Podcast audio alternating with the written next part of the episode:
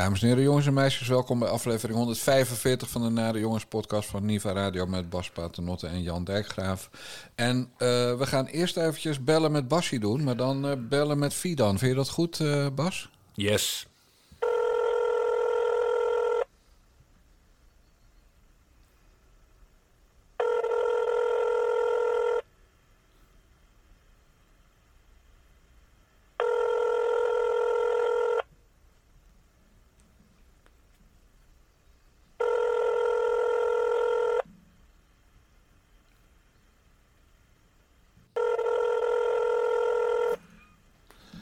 Jezus, Bas, heb ik toch in uh, mijn briefje van Jan aangekondigd met Fidan, we gaan je bellen. Aan Neem Fidan. Ekers. Neem ze niet op. Oké. Ik, ik kan wel janken, Bas. Want ja, zij, zij deed een oproep eh, zaterdag in WNL in de kantine, het radioprogramma van WNL, waarin ze nog een keer vertelde waarom eh, de NPO schandalig bezig is door op één te schrappen. En dat dat politiek ingegeven zou zijn. En ja. ja, dit Ja. en dat. En, eh, en, eh, en uit de eerste hand, en er waren andere mensen bij toen het uit de eerste hand werd verteld, maar, maar niet. eh, en dat de NPO en op een Wilders groot hadden gemaakt en bla bla bla bla bla. Nou, toen kwam ze in WNL in de kantine met een groot verwijt aan journalisten. Dat die allemaal haar niet gebeld hadden. En schandalig, want weer wordt dit en weer wordt dat. Nou, dan voel ik mezelf helemaal geen journalist. Maar ik dacht, nou ja, we gaan toch bellen. En we Ja. niet bellen met Bassie, maar bellen met Fidan. En dan neemt hij Trut niet op. Nee. Oh, zei ik Trut? Ja. Nou, dat zal weer een boos appje opleveren. Want, Bas, dat Je had, ik hebt wel jou met nog, geappt. dat had ik jou nog niet verteld. Ik kreeg een, eh, na het briefje van Jan een appje... omdat ik een van de vragen die ik in mijn briefje van Jan naar stelde... of moest je soms de hypotheek betalen... en hield je daarom al die jaren dat je er werkte je kop dicht. en toen kreeg ik als reactie, ik heb geen hypotheek. Oh, ik, neem aan, ik neem aan dat ze ook geen huis heeft afbetaald. Dus ze heeft eh, een huurhuis. Ja. Keurig gerectificeerd natuurlijk, want je kent me. Hè? Dat tot mijn Ja. grote spijt ik een hypotheek had genoemd. Maar goed, ik denk, nou ja, dan nodig ik haar in de app eh, nodig ik eruit. Van, eh, we gaan je bellen voor onze podcast. Zoals je kon lezen, heb ik zin in. Nou, daar reageerde ze met, met, op, met, met een opmerking op dat ik beter kan dan zeggen dat ik geen journalist ben. En dan zeg ik, nou, ik ben columnist en podcastmaker. Ik mag aangeven bij de heer Bas Paternotte. Eh, en in die laatste hoedanigheid, podcast maken, ga ik je gezellig bellen met, eh, met Bas over Bert. En Bert is Bert Huisjes. Dat is degene die had moeten vertellen dat eh, NPO wil dat op één eh, verdwijnt. En die dat niet gedaan heeft en nu ontkent dat hij dat zou doen. Nou, dan komt er een heel verhaal, Bas. Eigenlijk denk ik dat ze boos op me is. Want ze ze gaat nog altijd niet in op mijn uitnodiging. En meldt dan ergens gisteravond een klassieker. Fijne avond. Oké, dus. Ze is boos dat niemand er gebeld heeft. En, En dan wilde er iemand bellen. en nu willen wij met haar bellen en dan wil ze niet. Precies. En dan eindigt ze met een, na dat fijne avond met een PS. Ik doe mijn verhaal wel elders. En daarna komt er nog een fijne avondconstructie. Even goede vrienden. Nou, ik, het, het- wat is dit nou weer voor vaagheid? Dit gaat toch helemaal nergens over? Nee. Oh, wat een. Het is, het is, het is, het is allemaal zo vermoeiend. Weet je wat het punt is? Het is nu dinsdag. Dit gebeurde vorige week donderdag en, en afgelopen zaterdag. Weet je dat er eigenlijk niemand meer geïnteresseerd is in het verhaal van Fidan? Ja, Wij waren echt haar laatste reddingsboei hoor. De laatste plek waar ze nou eens eindelijk met naam en toenaam kon vertellen... welke smeerlap nou niet heeft doorverteld aan de mensen bij Op1... dat Op1 zou verdwijnen. ja. We waren echt de laatste reddingsboei. Want we, we zijn al honderdduizend keer verder. Dat- Ja, dat- dat of, gewoon- ja, ja maar er speelt, er speelt iets anders dan. En dat is dat, dat, dat, dat ze of heeft gelogen... of dat ze het spannender heeft gemaakt dan, dat, eh, dan het is. En dat als ze ons te woord zou staan... eh, dat wij dat zouden ontdekken... en eh, dat ze dan in de blote kont zou staan... omdat ze eigenlijk helemaal geen verhaal heeft. Dat is het enige wat ik kan bedenken. Nee, anders, nog. anders, anders was ze toch wel ingegaan op die uitnodiging. Ik kan nog wel iets bedenken. Eh Bert Huisjes is degene die haar namens de NPO heeft binnengehaald bij Op1. Hè, want Mhm. ze was natuurlijk uitgegooid bij de vooravond en is een soort eh, kruidvatje. Dus ze waren bang bij de NPO dat ze helemaal los zou gaan over wat er allemaal bij de vooravond gebeurd was. Dus ze hebben haar binnengehaald voor Op1. Dat heeft Bert Huisjes gedaan. Die kreeg daar extra budget voor. En Bert Huisjes is nu gewoon de kwaaie pier. Dat is de man die hoorde van de NPO... Bert de Stekker gaat uit op één. Nadat je het daar zelf verkloot hebt toen BNN Vara eruit stapte. Ja. Uh, en Bert is een opportunistische rat. Die dacht van ja, dat is allemaal wel mooi en aardig... maar ik wil wel budget houden, ik wil mensen houden. Dus uh, wil ik wel uh, onderhandelen over nieuwe programma's voor uh, WNL. Bijvoorbeeld dat Goedemorgen Nederland, wat elke ochtend op tv is, een uur langer krijgt. Dat was van 7 tot 10. En dat gaat binnenkort van 7 tot 11 duren. Dat is de deal die Bert Huisjes dan weer achter ieders rug omsluit. Nou, en in ruil daarvoor moet hij even de stekker uit op trekken. en Bert durft dan niet tegen die mensen eerlijk te zeggen... Fidan, uh, Kokkelman, Seidsma, uh, Kelder, jullie gaan eruit. Dat durft ja. hij dan niet. En uh, dan gaan ze de Zwarte Piet vervolgens bij de NPO leggen. Die natuurlijk volkomen gelijk heeft dat ook de grote omroep BNN-Vara... een van de talkshow timeslots moet hebben. Dus uh, ze wil gewoon niet bij ons Bert Huisjes afvallen. Want Bert Huisjes is de man die haar dat uh, megasalaris heeft bezorgd. Ja, maar dan had ze niet zo'n grote broek moeten aantrekken... door exact. op nationale televisie en op radio uh, met dit soort verhalen te gaan komen. Nee, en, en op het moment dat je dan betrapt wordt, hè, tussen apostrofs... door een columnist en podcastmaker tevens aangeven van jou... dan moet je niet uh, om je heen gaan slaan met fijne avond verder, weet je wel. Dat, ja. kleutergedrag. Dan moet je gewoon zeggen, ja, ik heb geen zin om met jullie uh, te praten. Ja. Maar dan moet je ook niet zeggen dat niet mensen verwijten dat ze je niet bellen. Want als ze bellen... Kijk, ze bedoelt natuurlijk, hè, want laten we maar weer meedenken met, uh, met het slachtoffer. Ze bedoelt natuurlijk dat we eerst hadden moeten bellen. Voor we het er vorige keer over hadden. En ik dan voor ik er een briefje over schreef. Dat bedoelt ja. ze. Maar ja, weet je, dan zou, dan zou ze echt niet uh, gezegd hebben... Ja, dat klopt Jan, Bert Huisjes uh, is hier de kwaaie pier. Ja. Maar goed, dat is allemaal maar conflict... Oh, heet dat complotdenken van mij, hè? Ja, nou ja, goed. Het, het, probleem ligt, ligt niet bij ons, het probleem ligt bij haar. Zij heeft het opgeworpen en nu wil ze niemand te woord staan. Of nu wil ze ons niet te woord staan. Nee, nee, misschien, misschien dat er nog een heel groot interview komt, maar ik denk het niet. Ja, He, vast, wel erg, vast wel ergens over een half jaar of zo weer. Ja. Is toen bij de vooravond. Dat, maar, uh, nee, maar goed, dit is toch iets, als je met, met deze stelling komt op nationale televisie, dat er ja. politieke druk is geweest om op een van de buis te halen. Ja, dat is niet iets wat je over een half jaar eens gaat vertellen. Dat moet je nu direct ja. openbaren in, in al zijn facetten, Fidan Ekies. Of je moet toegeven dat je gewoon iets te grote broek hebt aangetrokken en dat het allemaal wel meeviel. Maar, ja. maar dit is allemaal afslachtige zeik, man. Dat schiet niet op. Arjan Lubachs was gisteren voor de microfoon van SBS 6 bij Vandaag in Zuid. Mm -hmm. En Arjan Lubach zei het eigenlijk via die SBS 6 microfoon tegen die gasten van Vandaag in Zuid. Als jullie of ik morgen van de buis worden gehaald, ligt er helemaal niemand wakker van. En dat was nee. nou een heerlijke nuancering van, uh, ja, van hoe het zit. Het interesseert de kijker geen ene fuck of Arjen Lubach of Vandaag in Zuid. En helemaal niet of wie dan Ekers op tv is bij Op1. Dat, dan, nee. Het is gewoon uh, glas, plas, was, over tot de orde van de dag. Ja. En om, om dit af te sluiten, hè, want Fidan Ekers is ook niet meer welkom. Ze hoeft ons niet meer te bellen, ze hoeft niet meer te appen, ze hoeft niet te mailen. Gewoon helemaal niks. Eigenlijk zeg ik bij deze fijne avond verder...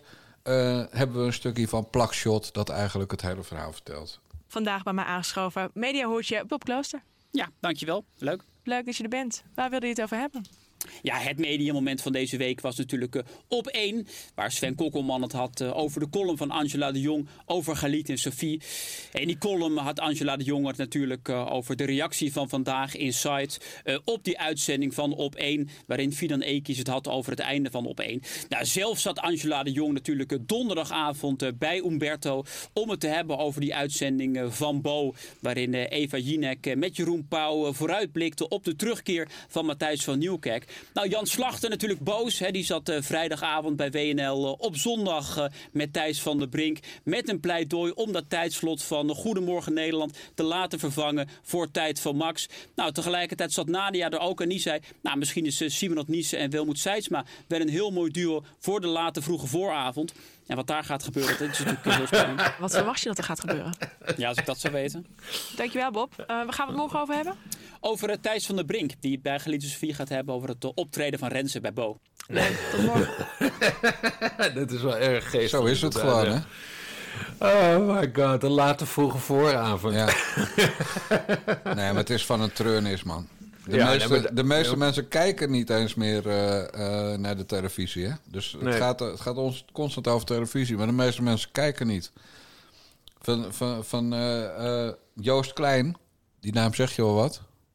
Eh, die gaat naar het Songfestival. Ja, daarvan weet ook... eh, jij bent 46? 46. Ja, daarvan weet ook bijna niemand boven de 45 wie het was. Behalve Nee. Lowland-gangers.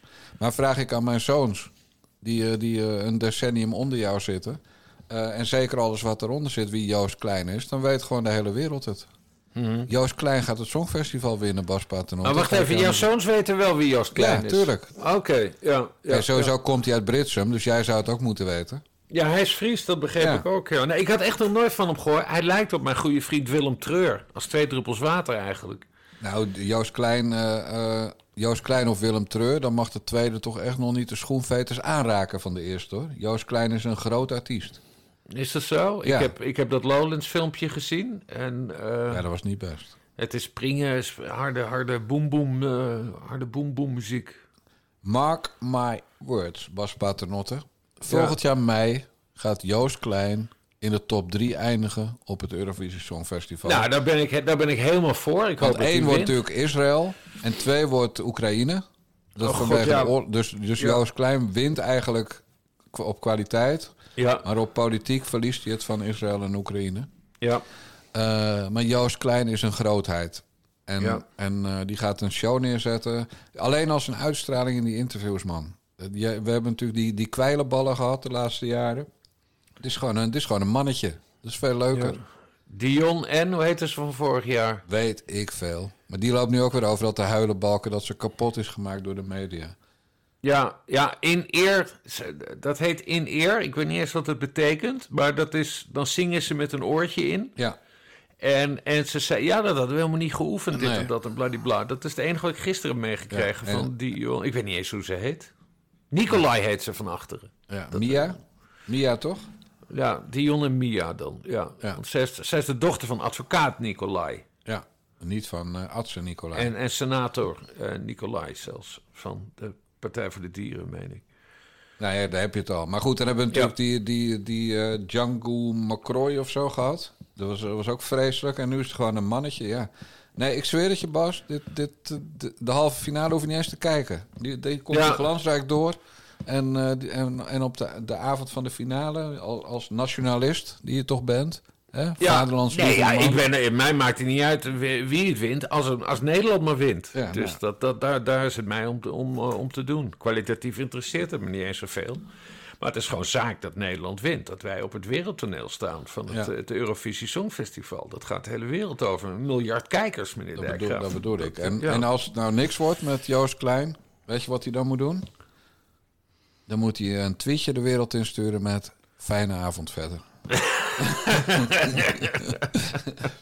maar goed, we hebben het genoteerd, hè?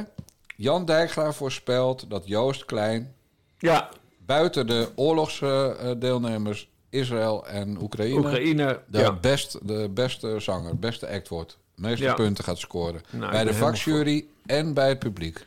Ik ben helemaal voor. Zo, dat was het homo-momentje. hè? We er toch altijd weer even in. Gaan we nu naar het echte nieuws. Eh, gisteravond het NOS-journaal van 8 uur.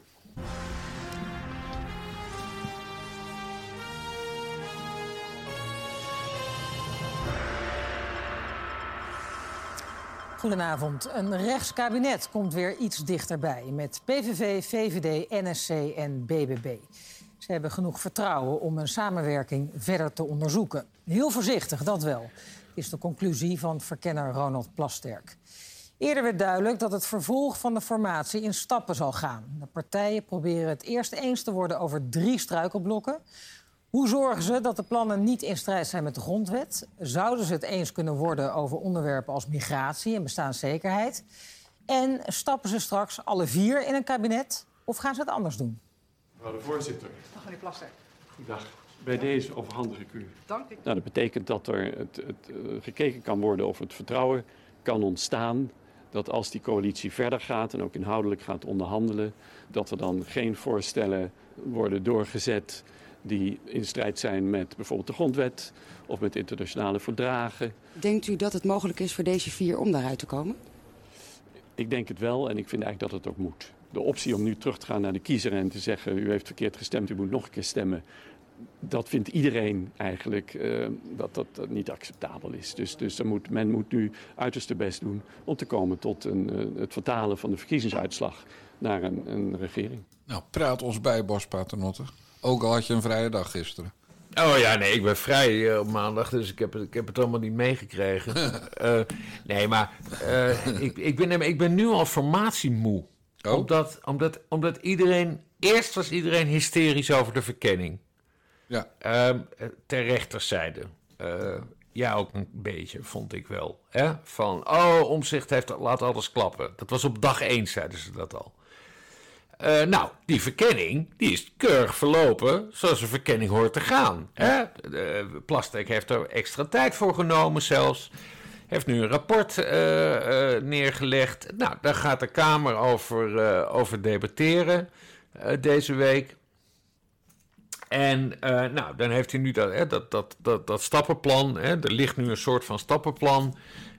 doet hij dan ook als voorstel? Nou, daar moet de Kamer over beslissen. Hè? Dat, dat, dat gaat Plasterk niet beslissen. Dat gaat de Kamer beslissen. Hoe gaan we nu verder hè, op basis van dit rapport? Ja. Uh, maar nu zie je dat links helemaal losgaat. Van ja, en we gaan onderhandelen over de grondwet en dit en dat. En iedereen die überhaupt over de grondwet onderhandelt is een fascist. En, en Jezus Christus, as we speak, as we speak, het is nu dinsdagochtend, is, zijn alle fracties, die zijn nu dit ook aan het bespreken in hun fractie. Die hebben gewoon fractievergadering. Ja. Hè, Pieter Omzicht is nu met zijn fractie dit aan het bespreken. En dat is allemaal ter voorbereiding ook op het, op het debat en dergelijke. Uh, uh, maar je ziet allemaal van die commentatoren. En wat me heel erg opvalt. Allemaal van die lui die hun geld verdienen met campagnes. Hè? Die campagnebureaus en bureautjes. Meuten, BKB. En dat zijn dan oud-PVDA'ers, oud-GroenLinksers, oud-VVD'ers. Die, die, die verdienen hun centen met campagne maken. Hè? En meedenken met politici. Ja. Die lopen nu allemaal die, zwaar in paniek te zijn. En de boel, het is echt, het, Jan, het is het is opjutten, als, als, alsof het fascisme op de, op de poort staat te kloppen. Zover is het nog helemaal niet. Die luisteren zijn notabene nu nog aan het fractievergaderen. Hè? Als, als de fractie van Pieter Omzicht zegt... Pieter, je mag gaan onderhandelen. We vinden allemaal, maar wij staan er niet achter. Dan gaat het hele feest niet door. Nee. Hè? Er zijn checks en er zijn balances. En dat zijn de fracties die vergaderen. Uh, uh, er, er, komt een, een, er komt nog een heel debat komt erover. Het is helemaal niet zeker dat het nu zo gaat. En, en, het, en het verwijt dat we nu aan het onderhandelen zijn over de grondwet slaat echt fucking nergens op. Maar bovendien zou dat ook wel mogen. Als je maar gewoon de procedure doorloopt van in twee zittingstermijnen van de Kamers een meerderheid halen en in de tweede zitting zelfs een tweederde meerderheid. Dan mag je alles veranderen. Precies, als je, als, je, als, je, als je de grondwet wil aanpassen. Maar dat, dat was helemaal niet de, de, de basis van de discussie. De basis van de discussie was dat de PVV en Geert Wilders ongrondwettelijke uh, uh, uh, meningen erop nahouden. Ja. Hè? En het is ongrondwettelijk als je, als, je, als, je de, als je de Koran wil verbieden. En het is ongrondwettelijk als je, als je de islam wil verbieden. Maar er ligt geen voorstel van, van Wilders om dat, om dat bij wet vast te gaan leggen. Hè? Daarom is het voor hem ook zo makkelijk om dat weg te kunnen geven. Hè? Van, nou ja, oké, dat, dat stop ik in, in de ijskast. Maar nu zijn we dus in de situatie terechtgekomen dat, dat iemand schijnbaar een hele grondwet wil veranderen. Wat helemaal niet waar is. Er ligt, er ligt niks op tafel. En, en, en toevallig vanmorgen nog. Uh, hele aardige vent. Ik ken hem al 100 jaar. Ander admiraal. Uh, hij was, toen ik nog in de Kamer werkte, we hebben het dus over 20 jaar geleden, ja. was, was, hij persvoorlichter van D66 en ik heb nog steeds contact met hem op dat Twitter. En Twitter is best nog wel leuk, laat je niet anders vertellen. Uh, hij zegt, hè, maar ik, had, ik had gisteren getweet van, uh, dat was die, die jongen van Meuten, ik ben zijn naam kwijt, maar oud VVD'er die dus ook een campagnebureautje heeft. Volstrekt hysterisch hè, op Twitter, alsof wat ik zeg, fascisme op de poort staat uh, te rammen. En, en die Anders zegt tegen mij vanmorgen: Ja, dat snap ik wel. Want ze- die campagnejongens die houden heel veel van democratie. En ze zien nu dat die democratie onder vuur ligt. En toen, en dat was vlak voordat we gingen opnemen... en ik heb zoals gebruikelijk Twitter uitstaan tijdens de opname... zei ik tegen hem, doet, dat is nou precies die hyste- hysterie waar ik het over heb. De democratie ligt namelijk niet onder vuur. Op dit moment, het, de Nederlandse democratie ligt niet onder vuur. De Nederlandse democratie is juist bezig op zijn toppen van zijn kunnen. We hebben nu die verkenning gehad. We, as we speak zijn alle fracties bijeen. Eh, later deze week komt er een heel debat over dit rapport. Dat, dat, snap je de hysterie? Ik, word- echt, ik word er zo moe van. Ja, ze pompen nou, ze, ze geven, rond, kijk, net zoals, net zoals rechts om zich niet eens de kans gaf. Hè, dat gelijk tijdens, op dag 1 van de verkenning al begonnen te blaren van om zich blaast alles op. Is nu links exact hetzelfde aan het doen. Geen vertrouwen in het proces. Hè, de, hij wil, Plasterk heeft gezegd dat hij zes weken wil eh, eh, besteden. Hè, om, eh, in een soort preformatie. Om te kijken of het überhaupt gaat lukken. Nou, dat vind ik keurig. Hij gaat dus zes weken, is zijn voorstel. Hè, dat dat allemaal onderzocht gaat worden. Dat, nou ja, democratischer wordt het niet hoor. Weet je, weet je wat ondemocratisch zou zijn? Als ze zeggen van, oh oké, eh, eh, en nu beginnen we een, kon- een kabinet en morgen gaan we alle moslims uitzetten. Ja, dat zou best wel ondemocratisch zijn. Maar dat is helemaal niet aan de hand, stel dat je idiot. Ah, het is, het Goed is verhaal, echt... Bas. Goed verhaal. Ja, nee, maar snap je? Het is. Het is het, ze, je kan niet zeggen eh, dat de democratie onder vuur ligt. De, de democratie ligt juist onder vuur als je er geen vertrouwen in hebt. Al die lui zeggen nu, hè, dus die, die linkse lui en die campagnelui, die zeggen nu eigenlijk het vertrouwen in de democratie zeggen ze op. Terwijl, terwijl het aantoonbaar worden hele processen keurig, eh, keurig doorlopen. Maar ik weet wel waarom het is, want ze zijn allemaal, het gaat, uiteindelijk gaat dat altijd om poen. Hè? En dat BKB, ja, die vinden het gewoon hartstikke kut. Dat PvdA en GroenLinks en dergelijke, dat, die, hè, dat zijn opdrachtgevers van hun. Hè? Die, worden, die, die, die Komen ze uit voort. in.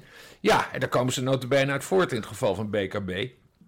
Ja, die hebben nu wat minder in de melk te brokkelen. Dus al die campagnejongens en meisjes, die zijn ook nog eens bang voor hun eigen, eigen inkomsten. Dus eh, nee, het is allemaal... Ik vind het allemaal erg deprimerend, want er is echt niks aan de hand. En het is, het is juist een spannende tijd. De democratie staat nu op, op top, top van zijn kunnen. En, en, en niet, niet onder vuur, idiot. Weet je wanneer die onder vuur lag en we deze mensen niet hoorden? Hmm. Toen er bijvoorbeeld een avondklok werd ingevoerd. Ja. Toen, eh, toen er mensen die geen prik namen eh, werden buitengesloten in de maatschappij. Toen, eh toen corona... Ja, maar, maar zelfs, zelfs toen heeft de democratie... Hè, Nee, maar als je dat soort termen gebruikt, bedoel ik, dan, is dat veel erger wat er toen gebeurde. Oh ja, nee, nee, nee, absoluut, absoluut. Maar zelfs, zelfs dat zag ik toen ging in de Kamer ook akkoord, dat weet ik. Inclusief. PvdA en GroenLinks. Ja, maar ook. Pieter Omtzigt. Heel veel mensen gingen akkoord. En in het begin is dat logisch, omdat er paniek was. Maar de avondklok eh, is, is toch vanaf het begin, voor die werd ingevoerd, altijd al kritiek tegen geweest. Al was Ja. het maar vanwege die fijne associatie met de spertsite, bieten. Ja? Ja, ja, ja. En nee, terecht. maar, eh, maar zelfs, zelfs hè, want eh, da- daar, eh, toen maakten wij volgens mij al de, al de podcast, hè? Jij en ik, we waren, of althans, waar wij een beetje in verschil. Kijk, ik was ook, ik was tegen de avondklok en ik was tegen die QR-code. Ja. Hè, die QR-code, dat, dat was gewoon pure discriminatie. Maar eh, da- ook daar heeft de democratie eh, eh, eh, gewerkt. Hè? Ook al zijn we het niet eens met wat alle partijen hebben gezegd. Het had nog veel erger kunnen zijn. Hè? Zeker. Want, want, want met name types als Hugo de Jonge... die hadden het allemaal veel strenger voor zich gezien. Maar daar... Wijk voor wijk, huis voor huis, Nou, weten wij iets precies. te Dus, dus, dus zelfs daar, dat is een beetje mijn punt, zelfs daar heeft de democratie gewerkt. Ook al was het resultaat niet wat jij en ik wensten, maar de democratie heeft daar eh, gewerkt. En de democratie, en dat is het hele punt, gaat nu ook werken. Maar er worden dus angstbeelden geschetst die nergens op slaan. Maar ondertussen jut je iedereen op en uiteindelijk, dat geef ik je op een briefje, als dit zo doorgaat, dan wordt het eh, 6 mei 2002 all over again. Want als je maar blijft roepen dat de PVV een, een gevaar is voor onze democratie en dat het fascisten zijn, uiteindelijk eh, voelen extreem linkse types zich gelegitimeerd om PVV'ers iets aan te doen. En bij Geert Wilders kunnen ze niet komen. Hè? Op dit moment de best beveiligde politicus van het land. Samen met nou, Dylan Jesilgers en, en dan, en dan nou, misschien de premier. Maar hè? aan Geert Wilders kunnen ze niet komen. Nou, dan gaan ze die andere PVV'ers pakken. Want er zitten straks 37, 36 anderen in de Kamer. Ja. Ik, vind het, ik vind het allemaal maar eng dat, dat hier wordt gezegd dat, dat, dat, dat onze democratie niet zou werken nu. En, en dat daarmee legitimeer je, eh, of extreem links kan dat zien als legitimatie. En, en extreem links roert zich, hè? Want Ja, ze liggen, ze, ze blokkeren onze snelwegen. Ze blokkeren onze snelwegen. En ze, en ze steunen Hamas, hè? Want Extinction Rebellion steunt, eh, steunt Hamas. Dus, dus eh, er is al een heel groot extreem links gevaar op dit moment in het land. Eh, we hebben een functionerende democratie, maar door dat opjutten, opjutten. Ja, nou ja, zo is Volkert van der Graaf ook begonnen. Die, is, die is opgejut, net zo lang tot, totdat hij iets had van, nou ja, ik, eh, ik, ik voel mij gelegitimeerd om nu Pim Fortuyn dood te schieten. En Nou, het zijn niet alleen de kleine linkse jongens die dit doen. Ook de man die leider is van de tweede partij van Nederland bij de laatste verkiezingen gooit dit soort tweets de wereld in. Hè? Ja, nee, Timmermans. Timmermans. Ja, nou, ja. Timmermans, ja, ja, ja, ja, ja. Ja, het is Bas, je bent in vorm. Ja. Nou, nee, ik ben, ik ben, Wel? ik ben, ik ben, nou ja, in vorm. Ik ben, eh, ik ben, ik maak me erg veel zorgen en ik ben erg boos. En ik, ik vind het belachelijk dat, dat zelfs dan, hè, of ze noemen zichzelf wel denkend. Maar wat je zegt, Timmermans, ik heb die tweet gisteren gezien. Die zegt ook van, oh, we gaan komende zes weken onderhandelen over de grondwet. Nee, er gaat de komende zes weken niet onderhandelen. En, en zo- zodat hij ook dat we gebruikt, hè. Ja. Want wat één, hij doet niet mee. Hè? Maar dat weet hij ook wel. Dus wat, wat bedoelt hij met dat we? We? Wat zijn we aan het doen, meneertje? Hè? Het is dus de fucking regenteske Frans fucking Timmermans met zijn met zijn dikke pens. hè? Die vanaf Twitter daar eventjes op, op, op, dat, op dat zielige high horse van een morele high horse gaat zitten. Dat het arme paard wat bijna door de benen zakt omdat er 150 kilo rancune op zit.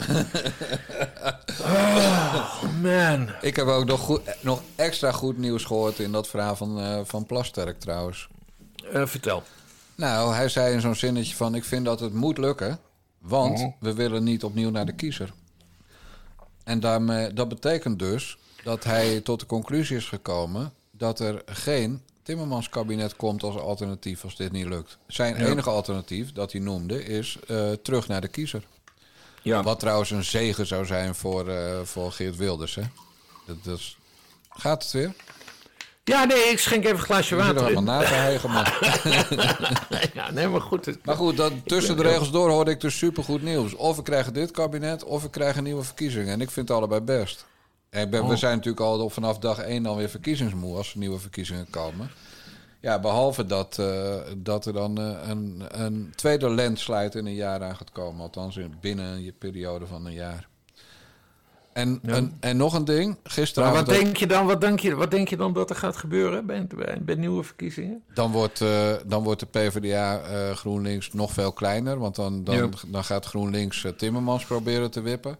Dan Ja. wordt Wilders groter. Dan, ga, Ja. dan wordt de VVD afgerekend of omzicht op eh, eh, niet in een rechtskabinet willen stappen. Of allebei. Ik denk dat Wilders dan eh, richting 50 zetels gaat. Ja, ja nou, dat, dat wordt dan een heel groot probleem voor Wilders. Want hij kapt nu al met, een, met lijstuitputting. En, nee, maar dan en- heeft hij nieuwe lijstbas. Dan zet hij de 80 op natuurlijk. Ja, oké, maar goed. Sterker nog, ik vind dat- dat- moet u wel vinden. Maar, nee, maar ik, heb een, nee, maar ik heb een veel groter bezwaar tegen dit hele, deze hele hypothetische gedachte. En dat valt mij sowieso een beetje op. Eh, volgens mij wordt er ook steeds meer gepeild. Hè? Ze zijn nu continu nog aan het... Ja. Ik vond die ene peiling van Maurice de Hond vond ik leuk. Want, dat, want dat, dat, dat gebeurt eigenlijk bijna nooit volgens mij. Dat hij kort na de verkiezingen weer even eh, direct peilde. Dat vind ik geinig. Maar nu blijven ze doorpeilen over van alles en nog wat. En, en dat, vind ik, dat vind ik een beetje hysterisch. Want we weten al lang hoe de verhoudingen liggen. We weten ook wat de achterbannen willen.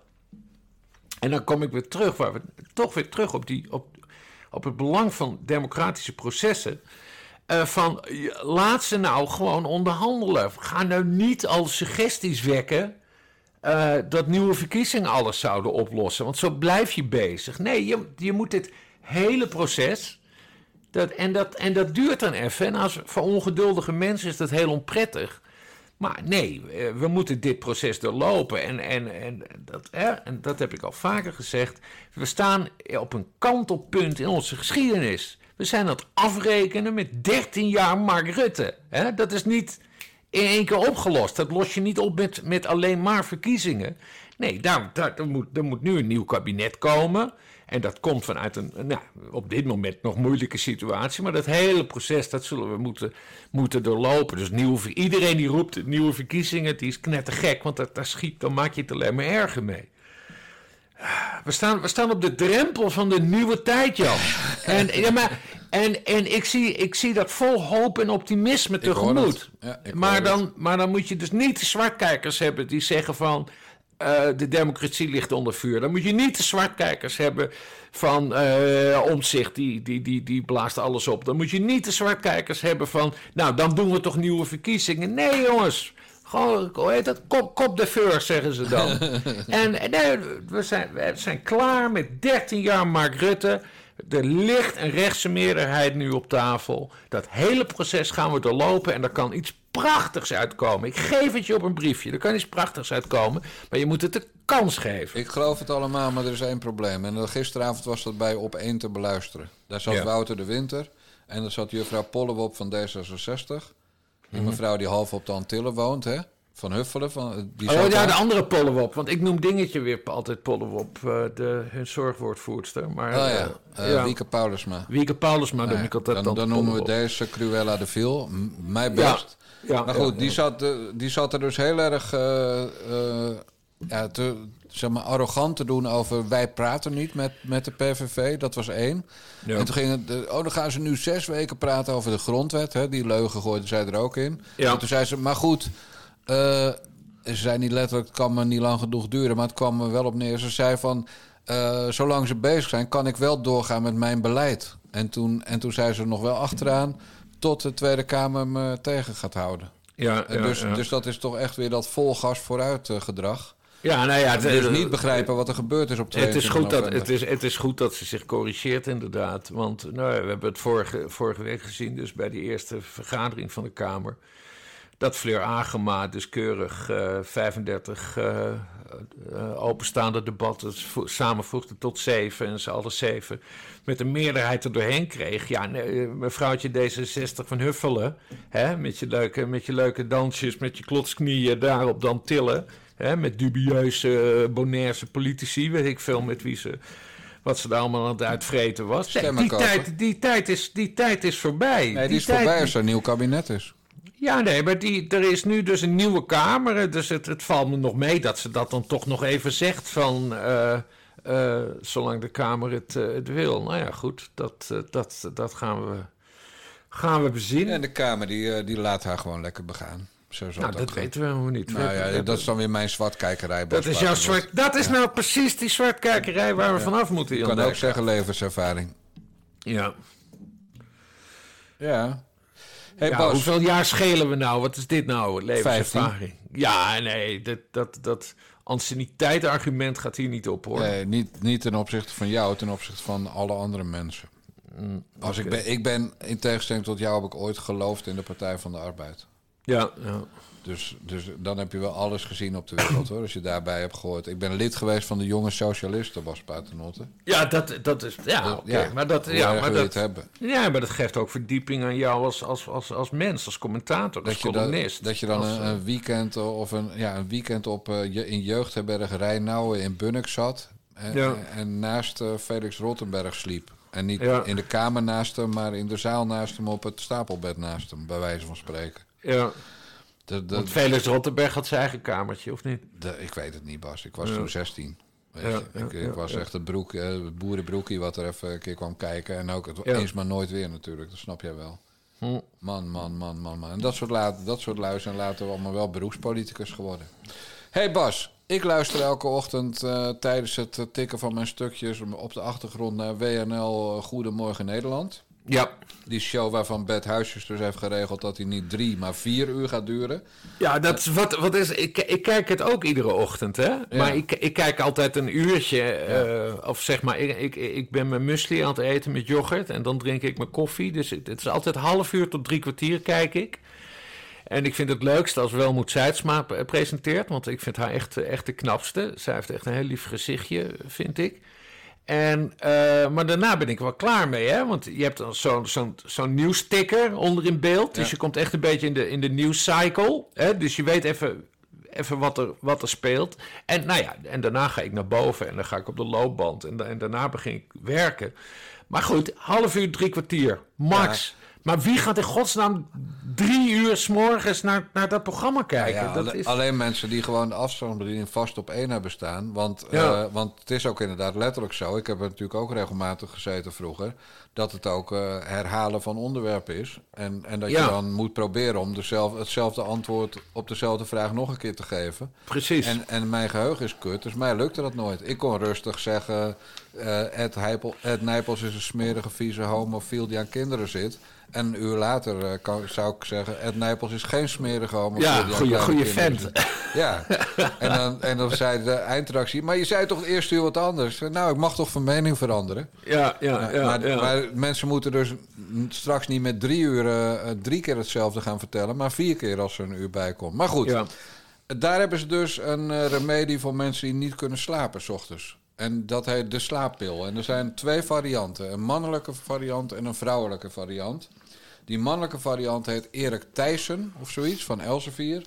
En die vrouwelijke variant die heet Carla Joosten. En die zat er gisteren om te vertellen dat Martin Bosma toch wel een dubieuze kandidaat was voor het Kamervoorzitterschap. Bosma zich toch echt officieel kandidaat stelt, maakt hij ook de meeste kans? Ik schat eigenlijk in van wel, omdat we nu ook een Tweede Kamer hebben die wat meer naar rechts eh helt. Eh, maar ook omdat hij een, eh, best een redelijk goede naam heeft als voorzitter. Een hele goede naam als leider van de debatten, zeg maar. hè. De, de boel een beetje op orde houden. Tegelijkertijd de Kamer ook heel veel ruimte geven. Maar goed, er zijn ook wat nadelen. Een Kamervoorzitter moet ook het land vertegenwoordigen bij de ontvangst van staatshoofden. Eh, op 4 mei is hij erbij bij de dodenherdenking. En? En daar, is, daar, daar hebben we hem eigenlijk nog nooit in gezien. En hij heeft nogal eens eh, de neiging om ook nogal grof uit, eh, uit de hoek te komen. En dat is eigenlijk iets wat we tegenwoordig toch wel weer wat minder accepteren, denk ik. Zeker voor iemand met een zulk- zo'n belangrijke En dat functie. zou reden kunnen zijn waardoor er Kamerleden zijn die zeggen van nou, we moeten niet voor hem gaan als Kamervoorzitter. Nou, ik denk in elk geval dat ze hem daarover zullen bevragen. Nou, zo maar bevragen, Bas. Ja, nee. Ja, Maarten, Maarten Bosma, die gaat dan inderdaad als Kamervoorzitter op de Dam... gaat hij een... eh, een eh, nee, nee, maar serieus. eh, legt hij een, een krans, eh, krans neer. Eh, ja, en dan gaat hij natuurlijk de microfoon pakken... en een enorm betoog houden waarom de NPO niet deugt... en dat het, dat het allemaal linksradicaal is. Natuurlijk gaat hij dat niet doen, Carla Joosten... Dit, dit, dit zijn zulke gezochte argumenten. Ja, en hoe ze grof uit de hoek komen. Dat, dat, dat, hij debatteert veel op zijn onderwerpen. Nou, hij heeft twee portefeuilles, media en binnenlandse zaken. En, en dat, is, dat is ongeveer alles wat hij doet. Hoezo komt hij grof uit de hoek? Dus nee, dit zijn totaal gezochte, gezochte kutargumenten van, eh, van, Carla mevrouw Joosten. Die notabene nog voor Elsevier werkt, niet eens Ja, waar, waar, waar, ik trouwens aan moest denken, ze hebben dit met Annabel Nanninga gedaan toen zij eh, eh, gemeenteraadslid wilde worden in, in Amsterdam. Toen, toen zeiden ze, oh, en moet Annabel Nanninga dan op de Dam staan? Hè? Op dodenherdenking, Annabel Nanninga, van, eh, van eh, hoe laat is het? Is er iemand dood of zo? Hè? Die dat, dat ze dat dan twitterde. Hoe vaak heeft Annabel Nanninga met dodenherdenking op de Dam gestaan? Nul keer volgens mij. Het, is, het, ze is heel, zij was, Annabel Nanninga was helemaal niet verplicht om naar de Dam te gaan. Dat is een, een eh, hoe heet dat? Dat is een, frame wat ze hebben gemaakt. Als je op Annabel Nanninga kies, stemt, dan staat zij op, op, op de Dam en dat, en, dat, en dat kan niet. Nou, en op, op een bepaalde manier doen ze dit nu met Martin Bosma, die wel vanuit zijn functie op de Dam moet staan, hè, omdat hij een Als krans legt, wordt, als, als, als hij het wordt, Ja. omdat hij als Kamervoorzitter een krans eh, eh, eh, legt op de Dam dan. Maar ja, maar dat wil. Waarom, waarom moet dat connect, connected worden met hij schof in de mond en dan zou hij niet een krans kunnen leggen tijdens? Het, het, het, het, het, het, het deugt niet. Maar omdat je dat woord dodenherdenking, wat heel gevoelig is, hè, koppelt aan eh, de, de verkiezing voor een Tweede Kamervoorzitter leg je een bepaalde druk erop. Wat ze dus ook bij Annabel Nanninga deden. Die sowieso helemaal niet verplicht was om naar de Dam te gaan. Maar door dat, eh, die connectie te leggen, ja, dan maak je het een beetje viezig.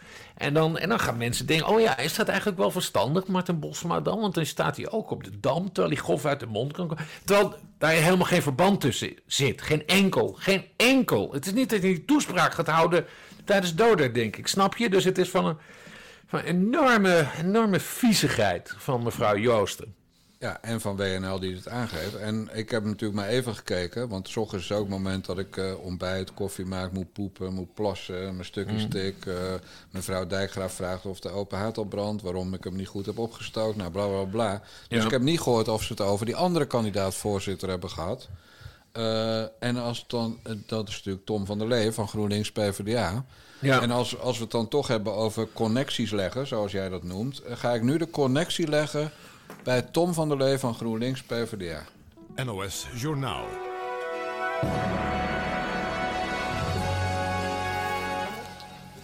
Goedenavond. Pim Fortuyn is dood.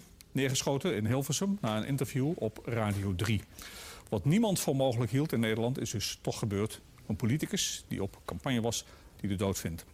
Formeel is zijn dood nog niet bevestigd door de politie, maar voor iedereen staat vast dat hij inderdaad is overleden. Alles was anders in deze verkiezingsstrijd met het optreden van Pim Fortuyn. Het doorgaans zo bezadigde Nederlandse politieke landschap werd compleet op zijn kop gezet. De tegenstellingen weer eens hard uitgesproken. De uitkomst op 15 mei bij de verkiezingen was voor het eerst in lange tijd weer eens onzeker. En dat riep felle reacties op en weerstanden. Fortuyn had eerder aangegeven zich wel eens bedreigd te voelen. Hij wilde wel bescherming, maar alleen als die werd aangeboden. Er gebeurde niets. Dit is tenslotte Nederland. Maar die fatale aanslag kwam dus toch. Gewoon voor de deur van een studio. Eigenlijk had je het hier net over toen het ging over iemand van de PVV, hè? Ja, je zou deze trouwens zeer beheerste Gerard Arninghoff uh, hoorden we Ja. trouwens. Ik denk dat dit het acht uur journaal was. Ja, dat kan. Ik vond het toch Ja, heel klopt. knap hoe, hoe beheerst hij dit eh, Ja. vertelde. Nee, maar goed, zo'n bericht is men met, met die demonisering die op dit moment plaatsvindt van zelfs het gehele democratische proces. Eh, sluit ik niet uit dat we nu wel in de buurt komen dat er weer eens zo'n zo'n tv-uitzending komt. Ja. Ja, nou, dan gaan we nu naar Tom van der Lee, Bas Paternotte. ja, want daar heb jij een link Ja. eh, gevonden. Kijk, wij hebben het natuurlijk afgelopen zondag in de Basje en Jan synagoge al uitgebreid gehad over eh, de, eh, het seksueel misbruik van minderjarige hoeren door Oxfam, waar hij van afwist en als directeur van Oxfam nou op zijn mond over hield. Ja. En over het feit dat hij zijn mond hield toen bij de fractie van GroenLinks eh, de persvoorlichter een stagiaire seksueel grensoverschrijdend benaderde en vervolgens zonder geld in de kou buiten zette. En hij ook toen zijn mond hield, toen die, diezelfde persvoorlichter weer werd aangenomen om woordvoerder te worden van Liesbeth van Tonger in Den Toen de dader, de dader werd gepromoveerd. Want dat is wat er gebeurde. Ja. Exact. Ja, dus toen hield Tom van der Lee ook zijn mond. Dus Tom van der Lee is op het gebied van doofpotten rond seksueel grensoverschrijdend gedrag, is hij een recidivist. Ja. Nou, dat lijkt mij op zich al reden genoeg voor de Tweede Kamer om aan de ene kant eh, drie grove opmerkingen van Martin Bosma in een debat af te zetten tegen twee keer eh, Tom van der Lee die seksueel misbruikzaken in de doofpot wil hebben. En eh, vergis je niet, niet alleen de Tweede Kamer gaat leiden, maar ook 600 ambtenaren. Verantwoordelijk is voor 600 ambtenaren. Ja, waaronder ook heel veel vrouwen. En Precies. stagiaires. Dus wil jij... weet ik niet zeker. Nee, maar wil jij dus... Wil jij de... Nee, maar dat is dus de vraag die de Kamer zich deze week moet stellen. Eh, willen wij eh, een man die wist van dit, dit Oxfam Novib-rapport... Dus We hebben het over, over seksueel misbruik van minderjarige prostituees op Haiti. Daar- hij, hij, hij, hij wist van het rapport. Ja, kun je die een Kamerorganisatie laten leiden? Nou, de vraag stellen is een beantwoorden. Volgens mij kan dat niet. Nee, en dat- niet. Maar, maar er zijn nog meer redenen waarom dat niet kan. En daar ben ik dus de afgelopen dagen met dank aan, eh, aan een hele goede bron die ik regelmatig heb, ben ik eh, daarin gedoken. En da- dat vinden we eigenlijk op twee openbare bronnen. Mhm. Redenen waarom Tom van der Lee geen Kamervoorzitter mag worden. De eerste is speciaal bedoeld voor mensen van de Partij voor de Dieren. Want Tom van, dat is een klein bier hoor, maar goed, kleine bier moet je ook opdrinken. Eh, jij weet wat een drijver is. Ja, eh, tijdens de jacht. Dat, dat, dat kan met gevogelte, maar dat kan ook met... eh, met, met eh, Met hatches, met met hertjes en dergelijke. Dat, dat, dat deden wij in Friesland ook. Dan, dat zijn van die mannetjes die gingen dan met stokken door, door het woud. En dan, hè, dan kwamen die beesten eruit. En dan, dan konden de heren konden dan schieten. Ja. Maar goed, Tom van der Lee was dus drijver. En was dus Ah. betrokken bij de jacht op dieren. En we maar. weten allemaal dat de Partij van de dier, voor de Dieren, maar eigenlijk ook GroenLinks, ernstig tegen jacht is. Ja. Gewoon eh, op een vorentje vangen willen ze al verbieden. Dus, dus jacht willen ze helemaal verbieden. Tenzij het gaat om zieke dieren die noodzakelijk worden afgeschoten. Maar zelfs dan zijn ze er eigenlijk vaak tegen. Dus de Partij van de Dieren kan onmogelijk voor Tom van der Lee stemmen... aangezien hij in zijn jonge jaren zo'n man was die, die voor de lust eh mede jaagde op dieren. Medeplichtig een dierenmoord. Juist. Eens? Ja, als, we het, als we het willen framen. Ja, ja. nogmaals, ja. Tom van Nou, der Lee is dan- medeplichtig een dierenmoord. Ja, over frames gesproken. Gaan we naar punt 3. Dus we hebben Oxfam, we hebben dierenmoord. En punt 3 is framing. Op de avond van de moord van Pim Fortuyn... eh, zat een aantal toppers van GroenLinks. En, gek, en dat was, die moord was in 2002. En Tom van der Lee was toen geen Kamerlid van GroenLinks. Maar hij zat wel bij alle fractievergaderingen van, Groen, van GroenLinks in de Tweede Kamer. Ja, hij En- was topadviseur en, en voorlichter en politiek Exact. eh, adviseur. Ja, hij Ja. was alles. Hij was gewoon Hij- de machtigste man. Hij, hij was eigenlijk, eh, dat, dat vat het beste samen, hij was eigenlijk gewoon GroenLinks-Kamerlid, alleen zonder stemrecht. Hij deed in alles mee en hij adviseerde altijd de top. Rozenmuller, daarna eh Halsema. Exact. Nou goed. Nadat Pim Fortuyn was vermoord, kwam een aantal toppers van GroenLinks, inclusief Tom van der Lee, bijeen met de vraag hoe moeten wij hierop reageren. En deze informatie heb ik uit het boek Een mooie hondenbaan van Paul Rozenmuller uit 2003. En wat hebben die lui toen besproken? Niet hoe zielig het allemaal was voor Pim Fortuyn. Maar ze hebben besproken: gaan wij in onze reactie straks Pim Fortuyn rechts noemen of extreem rechts? Ah. En toen heeft Tom van der Lee het doorgedrukt dat ze Pim Fortuyn vanaf dat moment extreem rechts gingen noemen. Geestig. Nou, geestig. Je Nee, kan veel van dat- Pim ik- Fortuyn zeggen, maar hij was amper rechts. Nee, maar dat, dat, dat, dat hij dat, dat Rozenmuller dat heeft opgeschreven, Ja, dat, dat wist ik helemaal niet. nee, dat boek is sowieso de moeite waard, want ik kom zo meteen met de finale. Waarom Mhm. Tom van der Lee geen voorzitter van de Tweede Kamer moet worden. Mhm. Maar goed, dit is ook toch een punt van als je iemand die net vermoord is. Het lijk is letterlijk nog warm. Als je dan gaat discussiëren met gaan we deze man nou neerzetten als iemand die gewoon rechts was of als een fascist, hè? want dat is Ja. extreem rechts. En je kiest er dan voor en je drukt het door bij de andere toppers van je partij dat het extreem rechts is. Ja, dan ben je gewoon een ongelooflijke vuile, vieze, smerige schoft. En niet de verbindende Kamervoorzitter die die in zijn brief graag zegt Ja, te willen en, zijn. en, want daar zit een hondenfluitje ook in, in verborgen. Van als je zegt, hè, hij is extreem rechts. Dus je besluit dat op de avond van de moord. Oké, Pim Fortuyn is extreem rechts.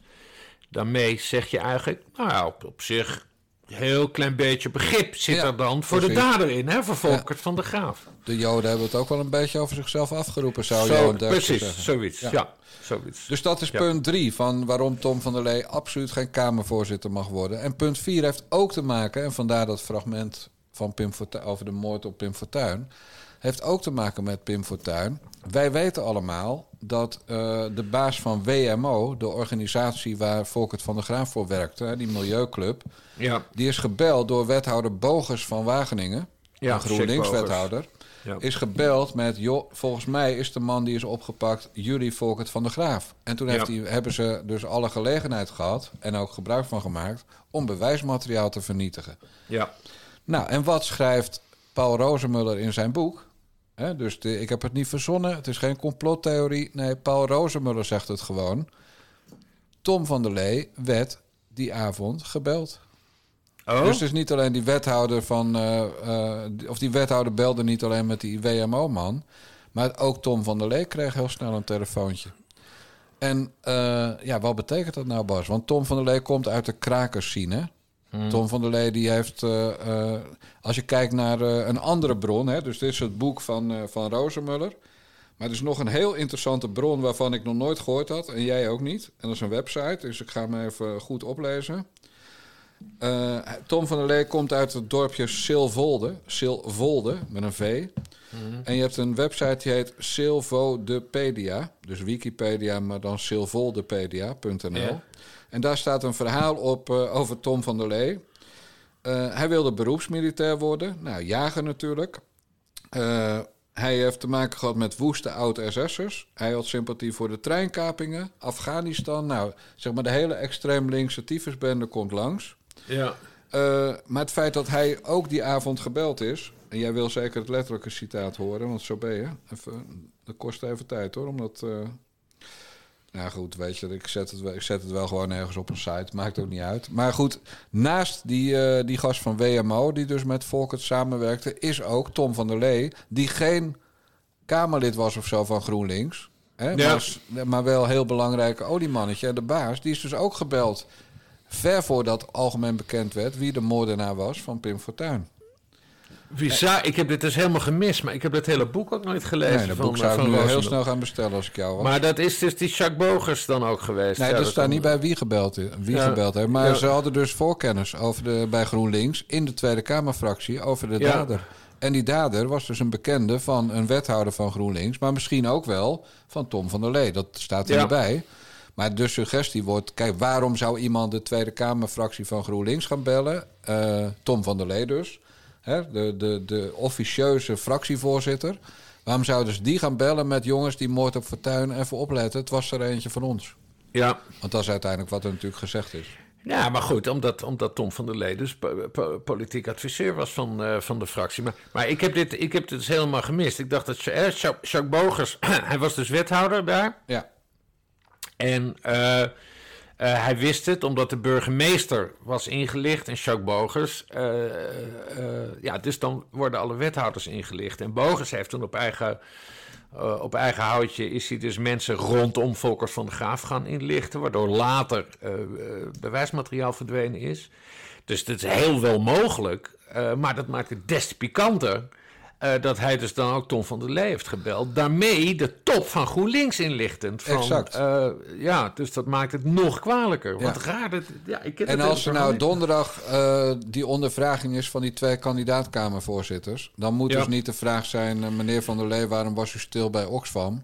Want daar heeft hij namelijk al beantwoord in 2018. Nee, dan moet, moet de vraag zijn... meneer Van der Lee, legt u eens goed uit waarom u op eh, 6 mei 2002... zeg ik het goed uit mijn hoofd, die datum? Ja. Ja, ja. Waarom u op 6 mei 2002, vlak na de moord op Pim Fortuyn... gebeld werd met de mededeling... dit Ja. is Volkert van der Graaf. Kunt u dat Ja. goed uit? Dat moeten ze donderdag vragen. Ja. En als hij daar niet in één keer goed uitkomt... en wij hebben hem nu misschien wel wakker geschud... Hè, want iedereen is dat boek van uh, Rozenmuller vergeten... Ja. maar als hij daar niet goed uitkomt... dan moet hij zich, zichzelf terugtrekken. Maar goed, dat fatsoen heeft hij toch niet. Maar anders moet hij gewoon helemaal kapot gestemd worden... door de hele Tweede Kamer. Gewoon één stem, dat hij alleen Ja. op zichzelf gestemd Ja, heeft. of hij, moet, of hij moet zeggen dat er iets anders aan de hand is. En dat is namelijk dat Paul Rozenmuller zou liegen. Maar dat zou betekenen dat de Partij van de Arbeid GroenLinks een veel groter probleem heeft. Ja. Omdat Paul Rozenmuller fractievoorzitter is van, eh, van de eh, Senaatsfractie. In de, eh, in de Eerste Kamer. Dus dat wordt dan ook nog wel spannend als dat zijn verdediging zou worden. Van nee, dat heeft Paul Rozenmuller verkeerd gezien. Ja. Interessant, wist ik niet. Moet, dient zeker naast die Oxfam-toestand, dient dit zeker besproken te worden. Juist, Bas. Ik denk, eh, ik denk dat wij zo weer een goede bijdrage aan de democratie hebben geleverd door dit te bespreken. En Ja. alle media zullen er hier morgen opduiken natuurlijk. Zo werkt dat bij de, bij de NOS, bij RTL, bij de, bij de systeemkranten van de Vlamingen. Ja, Allemaal duiken ze hier morgen in en dan zien we het complete verhaal. Dat, ja, dat kan niet anders, Ja. want zo rollen ze. En Ja. ik heb dus- Carla Joosten, die gaat dit ogenblikkelijk als ze dit hoort. eh, ja, die gaat keihard. Ja. aanpakken. Maar ik heb dit dus niet eh gefiedand. Dit is gewoon echt uit openbare bronnen. Ja, het staat gewoon in het boek van Paul fucking Rozenmuller. Dus, en op eh, die, die website Silvoldepedia. Ja. Eh, en ik wil mijn bron, wiens naam ik uiteraard niet prijsgeef, zeer bedanken voor deze tip. Ja. Het was even werk om dat hele boek van Rozenmuller door te lezen. Eh, maar daar komen we vast nog een keer op terug. Maar eh, het is graag gedaan voor de goede zaak, voor de democratie, voor de rechtsstaat. Hè? Zo zijn wij. Precies, precies. Nou, we gaan nog iets doen voor de rechtsstaat, Bas Paternotte. Vijf Nederlanders die hun leven hebben opgebouwd in winterse oorden... gaan op zoek naar de liefde. In Zwitserland krijgt Saul een aanmelding van een oude bekende. Hi lieve Sol. Verrassing. We zijn vijf jaar lang samen geweest. Ai, ai, ai, ze maakt het wel moeilijk, hè? Bij Guido in Zweden geeft zijn eerste date zich direct bloot. Ik kan zo je naak hier rondlopen. Bel die anderen maar af, want dit wordt zo. Welkom in Tirol. Bij Edith in Oostenrijk gaan meteen alle remmen los. In Noorwegen gaat Marco met zijn date de diepte in. Terwijl Benjamin in Zwitserland al snel in de wolken is. Dit is niet normaal. Winter vol liefde. Vanaf maandag 18 december bij RTL 4. En bij de Nare Jongens, Bas Paternotte. Ja, want als wij die eh 1750 petjes, zeg ik in mijn hoofd. 1759 petjes hebben. Eh, die kunnen mensen kopen door naar petjeaf.com naar de jongens te gaan. We hebben er nog maar 11 nodig op dit moment. Ja. Maar als we die 1750 halen, dan gaan Bas Paternotte en ondergetekende... elke dag dat eh, Winter voor Liefde wordt uitgezonden... Ja. een extra podcastje maken. Ja, ja, ja. ja. Kort Jij- en krachtig worden ze dan. Kort en krachtig. Nee, ik heb er, ik heb er erg veel zin in. Ik heb mij bewust er nog niet in verdiept. Hè? Want, je, want dit is de derde teaser, meen ik, die we al voorbij hebben zien komen. Ja. Eh, ik ga er volledig... Ik, ik ga dus vanaf maandag... Vanaf de eerste aflevering stort ik mij er volledig blanco in. Want dat beviel mij juist eh, zo goed bij BNB voor Liefde. Waar ik nota bene trouwens, want daar komt dit hele plan vandaan. Eh, daar ben ik pas later ingestapt, hè. Want, want jij Ja. zei, je moet daar een keer naar kijken. En toen helemaal toen Crypto Itje voorbij kwam. Toen, toen was ik verslingerd gewoon. Eh, maar de, de lol was, vond ik dan, eh, dat ik dus al die karakters... want je, je moet het ook een beetje zien als karakters... die moest ik allemaal nog ontdekken. Want ik had, ik had van B&B voor Liefde... had ik überhaupt geen, geen teasers eh, gezien. Dus daarom ga ik deze... ga ik hier ook de teasers uit de weg... zodat ik mij volledig laat overvallen... Hè, door, door dat programma. En ik denk dat dat dat het leuk is om het daar dan over te hebben. Want jij hebt nu al een beeld van hoe het precies zit. Hè? Want Ik, eh, ik ver- verdiep er zit een alles. lesbienne. Je hebt mij verteld dat er een lesbienne tussen zit. Ja, ik verdiep me in alles. En dat... dat en, eh, en, en, en maar, dus, nou ja, goed, dan ben jij. Maar ja, dat is sowieso altijd een beetje de, de verhouding eh, tussen ons. Kijk, jij bent meer de, de, de researcher. En de aangever. En, en, en ik ben meer de aangever. En ik, van, hè, ik laat mij meer, meer, meer verrassen. En dan stel ik een vraag van... eh, Jan, waar kijk ik eigenlijk naar? Jan, wat betekent dit? Jan, waar staan wij? Hè? Zo, zo, zo zeg maar. Nou, en zo gaan we dit eh, benaderen. Dus ik heb daar erg, erg, veel, eh, erg veel zin in. Ja, en waarom doen we het nou buiten onze reguliere podcast? Ten eerste is die nog niet, nog niet, nog niet dagelijks. En ten tweede zijn er ook mensen die, ons, die abonnees zijn van onze andere podcast... Bellen met Bassie en de Bassie en Jan Synagoge. Die, die zeggen, ja, al dat entertainment gedoe... dat jullie dat nou helemaal kicken vinden, maar van ons hoeft het niet. Ja, we krijgen zelfs een paar woedende reacties van... waarom hebben jullie het tijd over BNB vol, vol liefde? Ja, En, eh, dus, dus die mensen komen dan ook voor één keer, hè, want we gaan dit niet elke keer doen, maar dan komen we die ook tegemoet. Ja. Door te zeggen, oké, we doen het helemaal apart. En eh, we gooien het natuurlijk eh, in eerste instantie gewoon keihard achter de betaalmuur. Eh, want wij, wij zijn er nog eenmaal voor onze trouwe abonnees en niet voor die freeriders die te bedonderd zijn om voor Ja. 40 euro per jaar ja, eh, gewoon minimaal 150 podcasts te luisteren. Want zo, zo simpel is het. Waarvan 100 achter de betaalmuur. Ja. Dus ja, dan is 40 euro, dat is, dat is dus, eh, ja, dat is gewoon helemaal niks. Als je, als je, de, als je geen 25 cent voor een podcast over hebt van Bas Paternotte. Ik bedoel, ik laat mezelf er buiten, maar een podcast van Bas Paternotte 25 cent. Ja, dan Ja. ben je wel echt een knierp. Dan, ben Ja. ik geen, geen knip voor de neus waard. Ja, maar goed, geld is ook nodig, want eh, hoor je niks aan mijn stem? Want ik heb dus een nieuwe microfoon eh, gekocht, hè? Die ja, je hoort, je hoort al het... eh, en hij staat te hard, dus je hoort ook alle ademgeluidjes van je. Het Oké. inschenken van water, het, het laten van een scheet... Het Ja. druppelen van den piemel. Je hoort gewoon elk geluid. Ja, want ik ben net aan het pissen tijdens de podcast. Ja, ja, ja.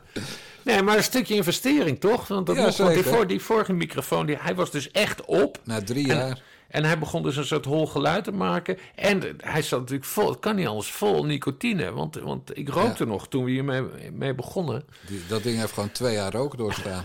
Ja, dus, maar op een gegeven moment dan, eh, dan is het eh, op. En, eh, maar goed, ik heb nu dus een nieuwe. En, en dat holle geluid is dus weg. Ja, wat kostte dat ding? Ge- geen idee, 200 euro of zo. Ja, dan moeten er toch alleen al vijf abonnees bij komen om jouw investering terug te betalen. Ja, nee, dat sowieso. Maar goed, nee, maar dat de mensen... want ik denk, soms denken mensen van... Oh, dan, dan ja, wat, wat doen ze eigenlijk met dat geld? Nou, een nieuwe microfoon kopen, jongens. Dat, ja. Ja, en ook gewoon eten. Hè? Ik bedoel, het is ook gewoon werk. Ja, Eh, nee, het is gewoon werk, we- ja. Ons werk is onze hobby, maar als het alleen hobby was en we zouden er geen centjes voor krijgen, zouden we er echt gelijk mee kappen, hoor, Bas. Exact, exact. Ja, eh, net als die mensen bij de van Op 1. Ik bedoel, die gaan ook niet we- gewoon door gratis. Dat ze zeggen, we gaan op internet zo'n talkshowtje doen elke dag. Kan toch Nee. ook, hè? Dat, dat Vie dan zegt, kom op Sven, kom bedhuisjes. We, stoppen, we stappen uit de publieke omroep. Beginnen gewoon een YouTube-kanaal, dat heet Op 1. En dan gaan we elke avond om, om eh 11 uur vragen wie van, de, wie, wie van de gasten die de overheid wil eh, zin heeft om te komen gratis. En Ja. ze moeten dan zelf met eigen vervoer komen. En ze krijgen geen wijn, ze krijgen helemaal niks. Maar het is allemaal Ja. voor de goede zaak. Ja, maar dat doen ze dan niet. Nee. Hè? En, dat, en dat is het hele probleem van die fucking ambtenaren bij de NPO. Want dat zijn eigenlijk ook ambtenaren. Daarom is het hartstikke goed dat Geert het allemaal gaat afschaffen. Oh, wat een woede. Ik heb zoveel woede in mij, Jan. Het is allemaal schandalig. Nee, maar je bent, je bent vandaag in bloedvorm. Dus mensen, ga naar petjeaf.com slash naar de jongens. Eh, word abonnee en doe dat voor de 18e december. Want als we op 18 december niet die 1750 abonnees hebben... dan gaat het hele feest gewoon niet door. Nee. En dan gaat Bas waarschijnlijk ook niet kijken. Of we stoppen het om jullie te pesten in de reguliere uitzending. Ja. Maar dat is maar één keer in de week. Eh, Ja. En verder Bas, nog één keer. Hoe heet ook alweer die deelnemer aan het Songfestival van Achteren? Eh, eh, oh ja, eh, klein natuurlijk. De mazzel. Ja. doei, doei.